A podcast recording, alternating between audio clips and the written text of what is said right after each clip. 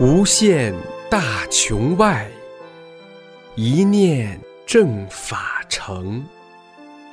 师尊慈悲愿，万物沐春风。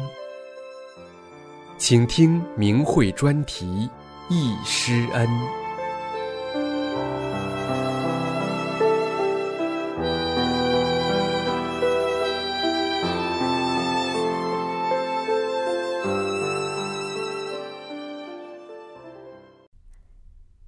下面请听长春大法弟子的文章，莫错过万古机缘。发表于明慧网，二零零六年十二月一日。我于九四年五月份荣幸地参加了师孙在长春吉林大学明放宫开办的长春第七期法轮大法学习班。参加学习班前后的一些珍贵的记忆铭刻在我的脑海中，永远不能忘怀。每每回忆起这段珍贵的记忆，我就会热泪盈眶，鼓励着我更加稳健地走好以后的路。一神奇的去病经历。我是一个农村妇女，今年五十五岁。得法前，我体弱多病，并且大多是比较严重的病症，如肺心症、乙肝、妇女病。由于十几岁就参加农活劳动，因劳动过度造成严重内伤。内伤晚上睡觉不能翻身，可以说是内脏里没有好零件。更严重的是有一条腿完全失去了知觉，不能走路，不会蹲，瘫痪在床。家里条件不好，但是条件不好也得看医生。找来医生看完后，打针打不进去。就在这种情况下，我的思想又增加了负担。自己想，我的人生的路到此就结束了。由于这些生活上的磨难，使我对生活与未来完全失去了信心。看看身边的孩子、丈夫，再加上疾病的折磨、精神上的痛苦，为了不给家人再增加痛苦，我每天都是在家人不在家的情况下，或晚上自己偷偷流眼泪。那时我也不懂得什么叫修炼，只是在思想的深处有一种强烈的想法，想往家里请个佛。由于请佛心切，乱拜一些东西。在这里就不说了。我的小学老师高明，化名，当时信佛，并且学一些气功。一天，他来到我家对我说：“他在气功杂志上看到现在在国内有一种气功叫法轮功，并且法轮功的师傅李大师是个传奇人物。他打算参加李老师在大连的面授班。他告诉我，法轮功收费很低，可是给予的却很多。”在每个学习班上，都要为每一位学员当场去一种病。如果学员自己不想去病，也可以想一下自己的亲友，就会为自己的亲友去一种病。高明又说，将这次去病的机会让给我。高明去听课的第五天的那天晚上十二点多，我忽然醒了，我就起来了。我把我的脚搬过来，我想我先试试脚吧。我一试，我的大脚趾会动了。我失去知觉的脚趾奇迹般的有了感觉，当时我的心里别提有多高兴了，对未来重新又充满了希望。高明回来后就来到我这里对我说，在他走后的第五天，师傅讲课中为学员调整身体，他当时就将这次去病的机会让给了我。当时我就将我受益的经过和他一说，我们都喜出望外，亲身感受到了大法的神奇。感谢师尊的慈悲，高明对我说：“你不是要请佛吗？我这回可见到真佛了。”高明拿出了师傅的法相给我看，并告诉我这就是师傅。第一眼见到师傅的照片，当我用手去接师傅的法相的时候，一股电流冲进了我的脑子里，我感受到了一种强大无比的能量。这种强大的能量充实着我，我心里有一种说不出来的滋味。是甜是酸，半天没说出话来。当时的心情与感受无以言表。这时，他告诉我，五月份师傅要到长春办第七期学习班，问我是否能参加。说去参加的人就不用请佛了。我立即答应参加，因为自己心中总想请一尊佛，也没请到。去听课就不用请佛了，所以我就下决心去。他又反问了我一句：“你能去吗？”因家里条件不好，一分钱都拿不出来，还有腿又不能走路。我说能去。我现在才知道，虽然那时没有见到师傅，可是慈悲的师傅就在管我了。二长春讲法班上，当我决定去参加师傅的讲法学习班后，我的身心受益匪浅。我知道我非常幸运，师傅已经在为我调整身体了，这更加增添了我要去听师傅讲课的决心。我日夜盼望着能够早日见到慈悲伟大的师傅。好不容易盼到了五月份，盼到了要开班的那一天。由于家境贫困，我就带着亲戚借给我的一百元钱，报名费五十元就够了，剩下五十做来回的路费。住不起旅馆，我就背了一些米，打算到长春后投奔亲友，说啥也要见到师傅，亲耳聆听师傅传法。到长春后，长春的同修热情地来接站，听同修讲。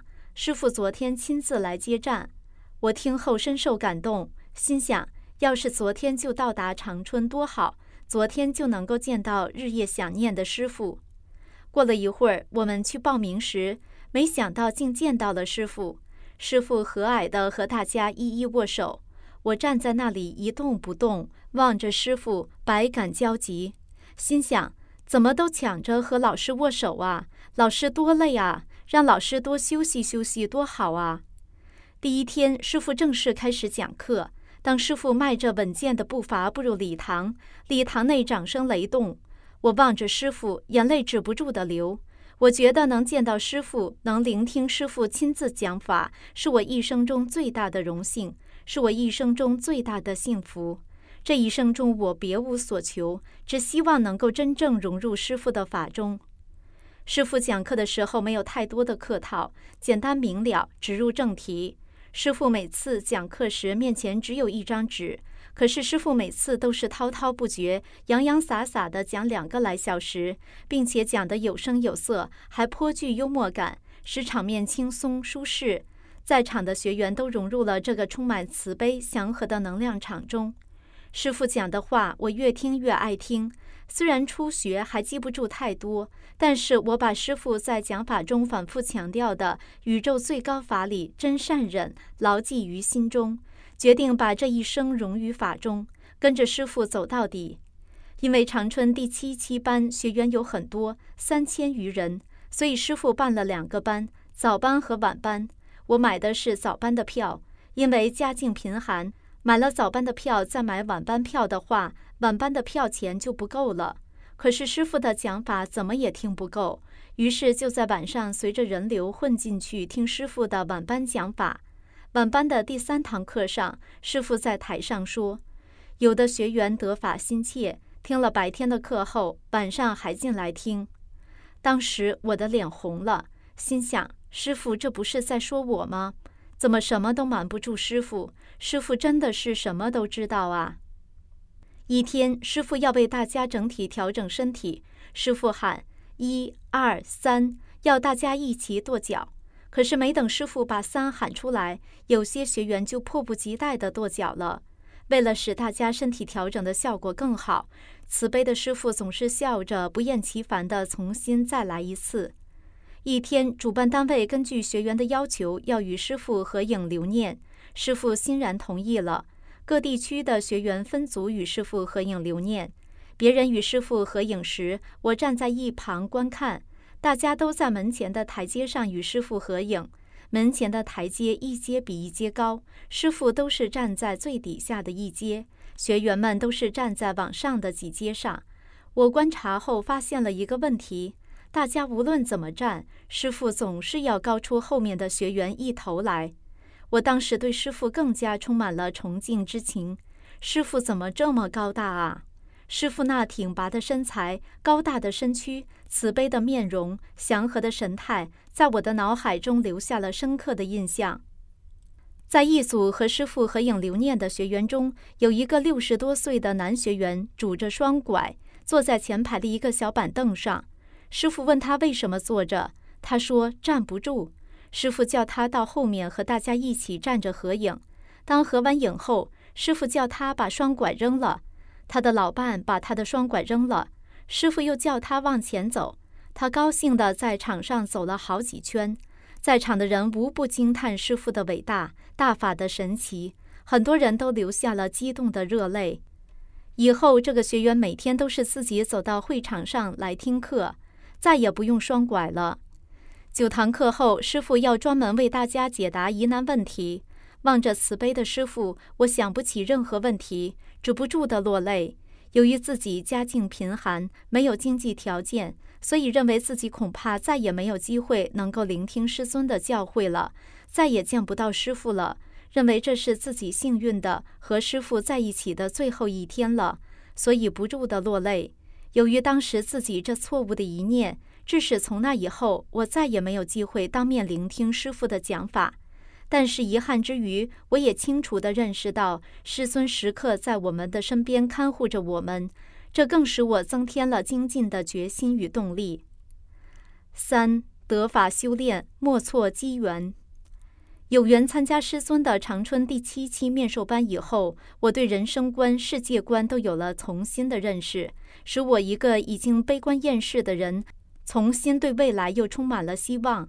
通过不断的学习师傅的法，使我对宇宙的大法真善忍的博大精深的内涵在逐步认识。在师傅的教导下，我知道怎样做一个好人，知道怎样做一个不同于常人的超常人。我的心性与境界也随之正在不断的升华。我身上的那些要命的病症也一个个神奇般的不翼而飞了。我的身心在大法中受益匪浅。村民们亲眼见证了我得法后身心的巨大变化，纷纷走入大法中来。最多时，我村有百余人参加学法练功。我自觉地承担起了辅导员的责任，领着这些人学法，并义务教功。直到现在，我和本地学员一起学法、发正念、讲真相，坚定地做好三件事，兑现着史前的大愿，助师正法。凭着对师父、对大法的坚信，我一直走到今天。期间，大法的神奇在我身上一次次的显现。由于篇幅的关系，这里只举一例。那是我参加师傅讲法班不久，我在走路过程中被一匹马将我的一只手咬住，并将我整个身体提离地面。在他松口后，我看见伤处血肉模糊，筋骨可见，那些露出的筋已被咬烂。可是当时我没有用任何药物，只是简单的包扎了一下，不长时间便痊愈。常人无不赞叹大法的神奇，感激之余，使我对师傅对大法更加深信不疑。师傅在《转法轮》第二页中讲到，这样的事情机会不多，我也不会老这样传下去。我觉得能够直接听到我传功讲法的人，我说真是，将来你会知道，你会觉得这段时间是非常可喜的。当然，我们讲缘分，大家坐在这里都是缘分。那么，我作为一名幸运的大法弟子，作为幸运的大法弟子中更幸运的一员，能亲眼见到伟大慈悲的师父，并聆听师父为我们亲自讲法，我应该加倍珍惜这万古机缘。我们的师父真是无所不知、无所不能，并且具足灭尽邪魔的法力和令天地众神都为之敬仰的威德。用任何常人的语言都无法准确地描述出师尊的宽宏、无私、高尚和伟岸。其实，慈悲伟大的师尊每时每刻都在我们的身边守护着我们，看护着我们。我们的每一位真修弟子都曾经真正体悟到师尊的慈悲加持，真正见证到大法的神奇与超常。我们应该对师父坚信，对法理正悟。坚定地走好最后的路，更好地去完成师尊要求的三件事：学法、发正念、讲真相。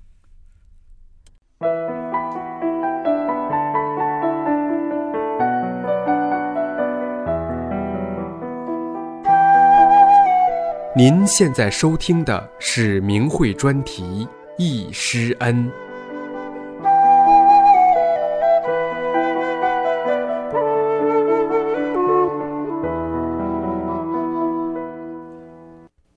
请听易师恩专题文章《一潭明湖水》，易师傅台湾讲法的点滴。作者：台湾大法弟子。一九九七年十一月，慈悲伟大的师傅驾临台湾，台湾大法弟子有幸聆听师傅分别在台北三星国小及台中雾峰农工的两场讲法。当时台湾的大法弟子约有两千人，经过九年的红传，目前据保守估计，已有四五十万人修炼法轮功，有很多人是在那两场师傅讲法中得法的。现在回忆起当年的点点片段，更能体会师傅为众生无私的付出与苦心的安排。师傅凡事都很低调，那时有些亚太地区的学员都很想知道师傅的行踪，以便能跟随师傅听法。有个香港同修说，他梦见有很多祥云神仙都往台湾去，所以就打电话来问师傅是不是到台湾了。记得师傅是周五晚上抵达台湾。为了不想影响学员，所以很少人知道师傅到了。师傅抵台后，马上就为一些老学员讲法。师傅以会议厅的窗帘为例，上下比划，说明正法的意义。那是我们第一次听到师傅说他是来正法的。隔天，师傅要在三星国小讲法，因为是临时决定的，所以大家回去连夜打了一整晚的电话，一个个通知学员。就这样，你通知几个，我通知几个。那天会场约有两千人到场聆听讲法，讲完法，师傅从讲台上走下来，跟学员一一握手。因为有很多学员没有被通知到，所以应大家的要求，师傅在台中雾峰农工又增加了一场讲法。第二场在台中的讲法有七八百人参加。有个学员回忆说，当时他一身是病，是帮他治疗的气功师带他去听师傅讲法，师傅两次经过他身边。他都跑去握师傅的手，问：“师傅，我这样的身体可以修炼吗？”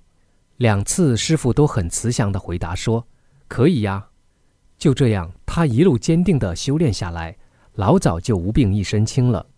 当时有许多人是刚得法的，也有的人是还没接触过大法的，所以对法的理解还是非常懵懂的。有的还提问如何生活的自在，怎样事事如意之类的问题。师傅虽然笑着说这些问题很俗，但还是把所有的提问解答了。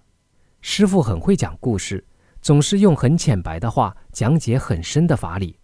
因为师傅讲的太精彩了，所以几个小时下来，学员都聚精会神地听着。那时在台湾有一个警方动员许多警力都无法缉拿到案、奸杀多名妇女的十恶之徒，那两天终于落网。学员问。是不是因为师傅来台湾的关系？师傅很平静地回答：“佛光普照，礼义圆明。”第三天，请师傅到故宫博物院参观。为了想让师傅不虚此行，所以学员跑去安排解说员，耽误点时间。师傅向来是快动作的人，不浪费时间。没等解说员来，师傅就带着学员入内参观。一路，师傅对每件文物了若指掌的。为学员讲解他们的由来、当初制造的作用及如何欣赏等等，学员听得津津有味，好像第一次参观故宫，才看出里面展出文物的门道。记得里面有一只连故宫的专家都不知道是什么的金黄色骨头，师傅说那是龙骨，并教学员们用天目看它微观粒子就是那个形象。在还没出故宫的时候，师傅跟我们说很多现代化是变异的。出了门才知道，原来故宫的另一边正在展示现代化作品。最后我们才悟到，师傅知道一切，对天地间事物的来龙去脉，谁都没像师傅那么清楚。师傅一下飞机就说要到日月潭及台湾各地看看，我们都以为师傅要来观光，后来才明白，师傅当时用心良苦为台湾所做的一切。当时我们是从台北绕东部、南部。再到台中日月潭，当我们出宜兰时，油箱的汽油只剩下一半。因错估以为沿途会有加油站，所以没在宜兰把油加满。因为车身较重，又走山路，所以很耗油。当油表快见底时，终于看到一座村庄，但是整个村庄绕遍了，居然没见着一个加油站。师傅只说了一句：“石油公司怎么不多设些加油站？”这时遇到一位村民。就问他这里最近的加油站在哪里？他说，走这条路的人通常会在宜兰加满油，就可以一路开到花莲，所以沿路都没有加油站。正在懊恼因为一时疏忽害得师傅要被困在山里时，只见师傅闭目。一会儿，当我们再回头，突然看见见底的油表指针又跑到加满油的位置。师傅什么都知道，但却不显示。沿途遇到路不知怎么走的时候。师傅总在紧要关头告诉我们走哪条路。我们本来把车上的天窗开着，很多天上海上的佛道神都出现。师傅很低调的要我们把天窗关上。赶到日月潭时，已经是晚上九点多了，天色很暗，当然是什么风景都看不到。我们打算明早带着师傅到附近的名胜走走，于是就到饭店办理住宿登记。因为一路上停车、吃饭都是由师傅付的账，所以学员很自然地拿出信用卡要帮师傅付住宿费。没想到，才把信用卡拿给柜台，后面一个高大的身影越过学员。师傅已把信用卡拿在手上，他笑着说：“这先保管在我这儿，明天再还给你。”第二天早上，我们要请师傅去游日月潭，去参观文武庙，去看少族，师傅都不要。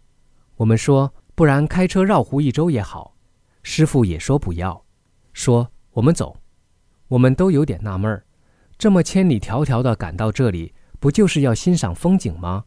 昨晚那么晚到。为什么住了一晚，今早就匆匆的要走？因为师傅说了，我们只好照办。在准备离去时，我太太站在外面等候。师傅递给她一张纸条看，上面写着：“一潭明湖水，烟霞映几辉。身在乱世中，难得独自美。”当时对这首描写日月潭的诗的后半段不甚理解。三年后，台湾发生九二一大地震。第二天，我打电话给全台湾的大法弟子，大家都平安无事。才回想起要从日月潭离开的那天早上，师傅对我们说的话。他说：“日月潭里边的这个神本来不错，但是因为这里开发过度，惊动到了他。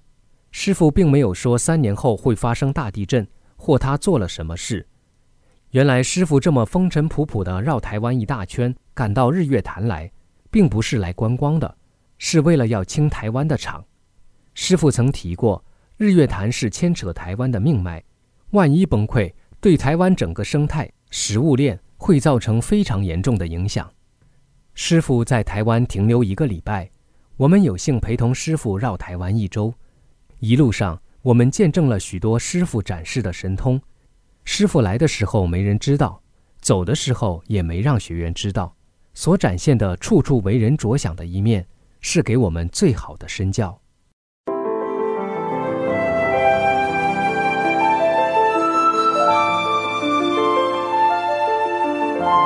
您现在收听的是明慧专题《易师恩》。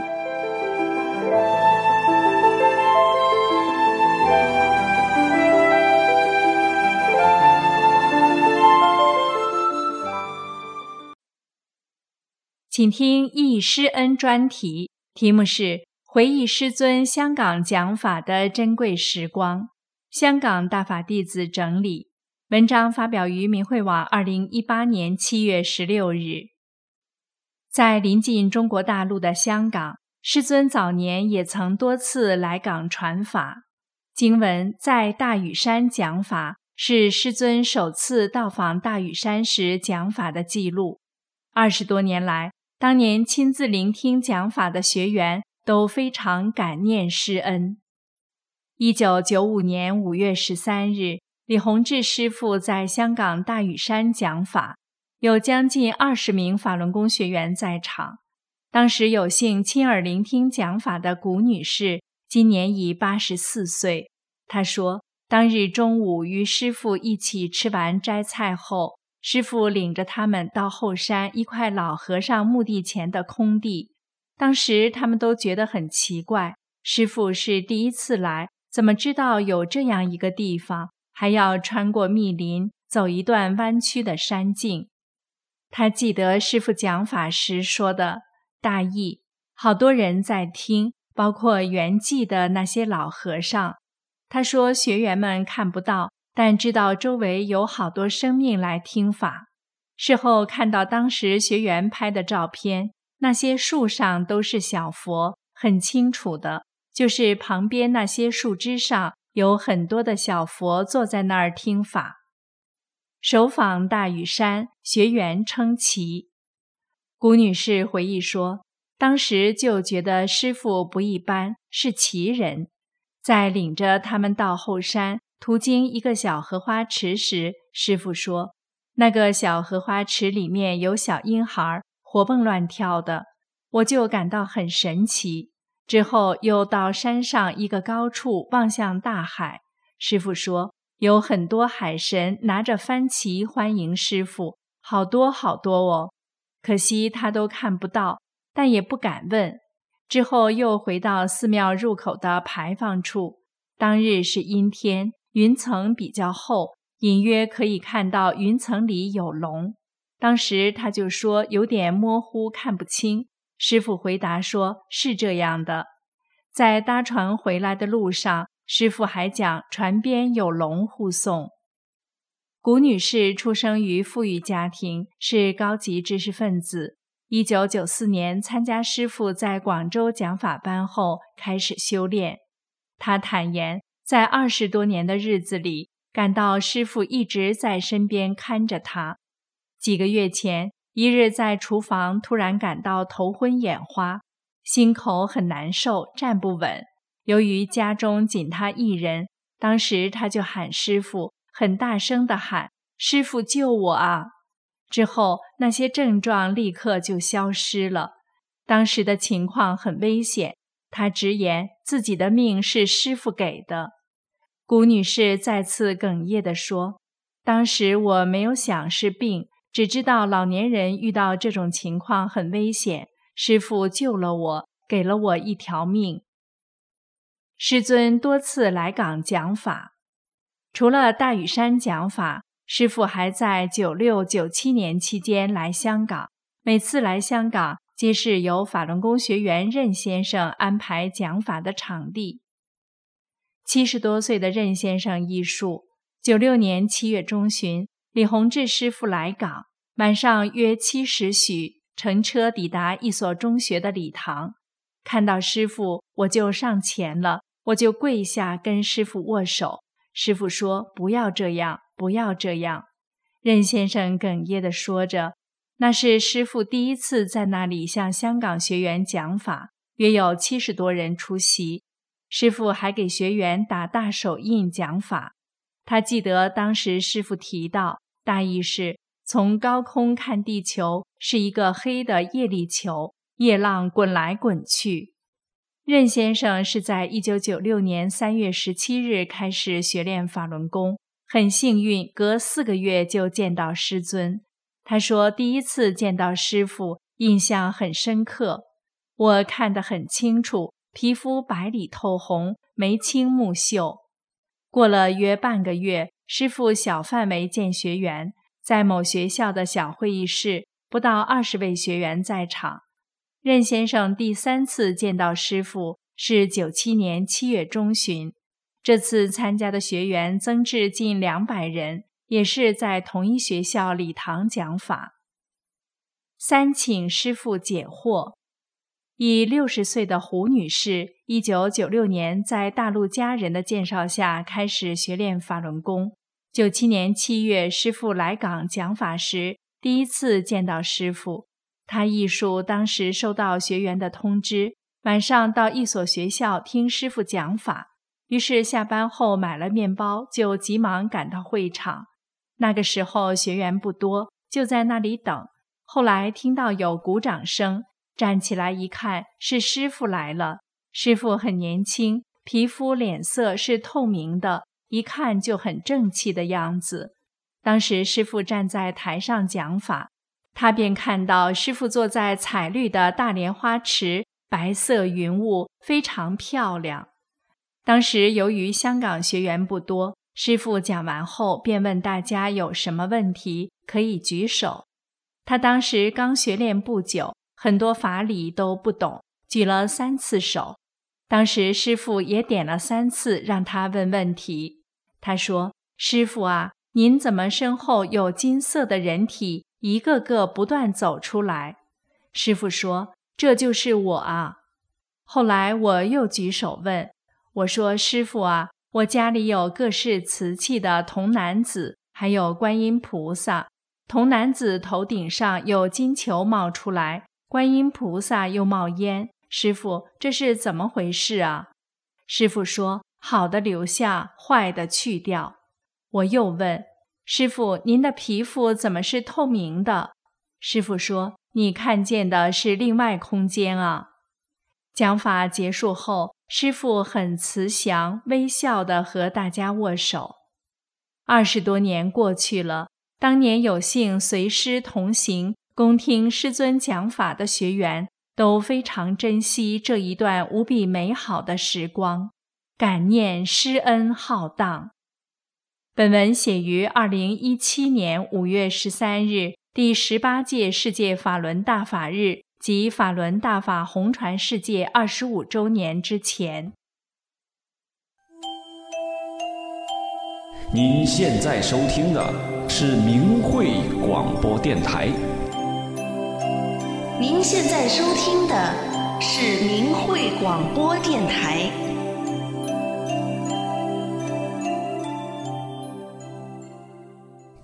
请听易师恩专题文章，题目是《参加师尊在武汉市第三期讲法班的日子》，作者湖北大法弟子。一九九三年九月，我及亲友共八人有幸参加了师尊在湖北省武汉市的第三期讲法班。讲法班设在当时的中南财经大学（现在的中南政法大学）的一个大礼堂，与在其他地方讲法班一样。师尊除讲法外，还给在场的学员清理身体，教授五套功法。讲法班临近结束，师尊和每片的学员合影留念。讲法班结束，每个新学员都受有塑封的盖有师尊印章、印有法轮图形、贴有学员相片的结业证书。师尊身着朴素整洁的夹克衫，形象高大挺拔，神情庄重祥和。整个礼堂满满的一两千人，无论是在听师尊讲法，还是在中场休息，绝大多数的时间段里，礼堂里外都是一片祥和，没有喧哗，也没有在师尊身边打围的现象。除了学员们那一时争着与师尊合影外，师尊给学员们道出了宏大的宇宙真理，讲明了此次人类有史以来的文化从未开示的人生真正的目的和意义。师尊还在最后一堂课不厌其烦地认真回答学员们的各种提问，包括一般常人听起来都觉得幼稚可笑的提问，并鼓励学员回去抓紧时间实修。而师尊当时面对的又是怎样一群人呢？我的一位亲人在一次课后从礼堂出来，听走在前面的一个学员与同行的学员说。我看到讲台上的李老师是一位金光闪闪的大佛。第三期讲法班临近结束，师尊让学员们尽可能地写下心得体会，交给师尊。在我进师尊讲法班以前，我有太多的常人执着，因而伴生了太多的心灵创伤和太多的怨恨，对人生前途充满迷茫，很希望明白人生的究竟。身心俱疲的我，刚又被东北来的一个假气功师欺骗过，所以我是带着万分的渴望和将信将疑的心情参加讲法班的。师尊的讲法震动着我生命的深处，表面的我却还是懵懂未开。我在满满几页信纸的心得体会中，多是倾诉自己从小到大所遭遇的苦和难。在第八堂课开课前，有很多学员聚往礼堂前的平地。远远的就看见师尊矗立在中央，我毫不犹豫地上前将心得体会交到师尊手中。师尊平静地接过，并装进上装的内口袋里。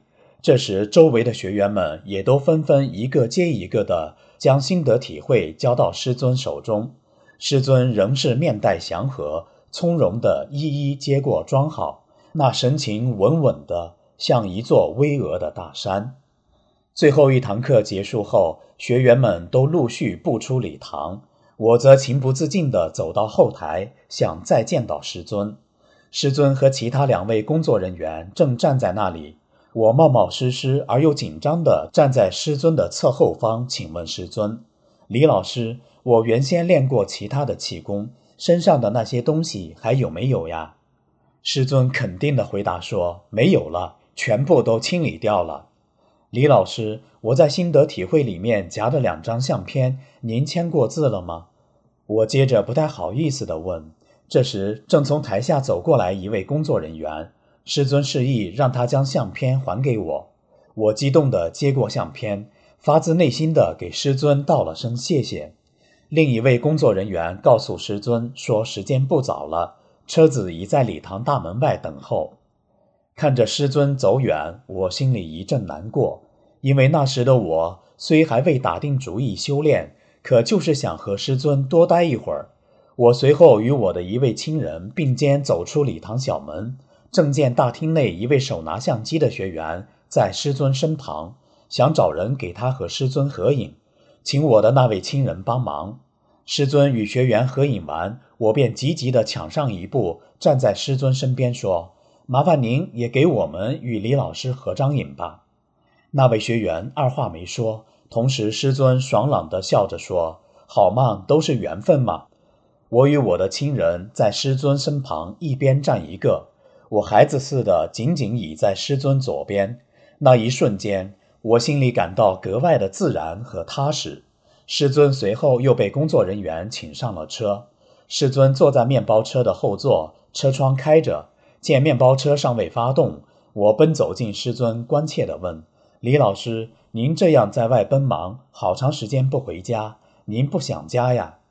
师尊轻轻地回答说：“没办法呀，要弘法嘛。”我还想和师尊说点什么，可面包车开始发动了。我留恋地目送师尊渐渐远去。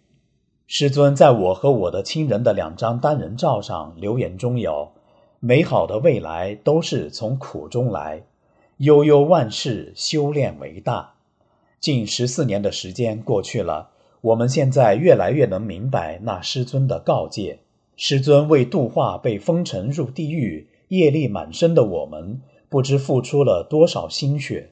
弟子永生永世也报答不完师恩，我们唯有不辜负师尊的期望，不怕吃苦中之苦，万事以修炼为大，实实在在做好三件事，最后圆满随师还。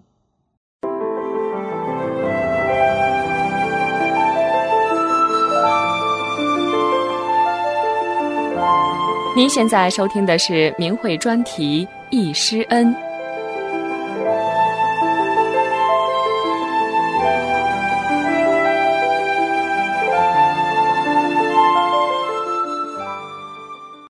请听易师恩专题文章，题目是《点滴记忆，永生不忘》，作者大连弟子小易。一九九四年七月，我正上高中，从学校老师那里得知的消息，在大连机车体育馆举办二期班。第一天来到会场，人已经几乎坐满。在简短等待以后，师傅准时出场。我的座位是会场看台的西南方向。位置很偏，而且靠后。虽然借了望远镜，也只能看到师傅的侧面。在一阵流畅的开场白中，师傅讲法开始了。没想到师傅的声音这么好听，富有磁性。我以前是气功爱好者，从小就对气功特异现象有浓厚兴趣。我比较注意观察会场内外的一些情况。在几天班的印象中，好像前两天总是下雨。师傅办班前，大连就下过雨。第一天开班时，刚开始讲课，雨就开始下起来了，而且下得很猛。到了中午吃饭休息时，雨就停了。下午班开课以后，雨又开始下起来了，下得很大。等到下课散场时，雨又停了。还有师傅讲课过程中话筒里的爆炸声，也使我感到很神奇。当时就感觉这个师傅有本事。记不得是第几天的班，中午吃过饭，离上课大概还有十几分钟。我正慢腾腾往体育馆的西门走，忽然看见师傅在我前面的三四十米处，独自一人，也准备入场。离入口几米远时，师傅朝我这边面带微笑地看了看，这一瞬至今令我难以忘怀。当时想，这么出名的气功师，怎么自己一人走路不带助手？我感到很惊讶。师傅在班上讲课几乎不休息。一天下午下课以后，大家在散场。我第一次从后看台走到台下的篮球场，在讲台旁，很多人把师傅围起来了。我挤进人群，第一次近距离来到师傅身边。师傅身材高大魁梧，面容祥和，满面红光，无法形容的光彩照人。虽然以前从未认识，但一见面就感到非常亲切。大家把师傅围在了中间，不愿离去，感觉是想说一些话，但又不知说些什么。只听到了几句师傅的话：“多看书，多看书。”最难忘的还有在最后一个班的结束语中，师傅一番语重心长的话，使我永远难忘。我是个不太容易被人感动的人，但在师傅最后的结束语当中，在那质朴而并不华丽的语言中，我开始控制不住的流泪。我激动得难以自制，为师傅的讲法深深打动。已经很久没有这样感动过了。之后，我听见了周围的抽泣声，才发现流泪的不止我一个，而是一片人。这是本性的真实流露。从此，我的世界观发生了彻底改变。直到今天，大法已红传世界七十多个国家和地区，在风雨中走过了第七个年头。回忆这一段珍贵的经历，更觉来之不易，无比幸运。在正法的最后时刻，我会与同修们共同珍惜师父给我们开创的伟大纪元，圆满的走到最后。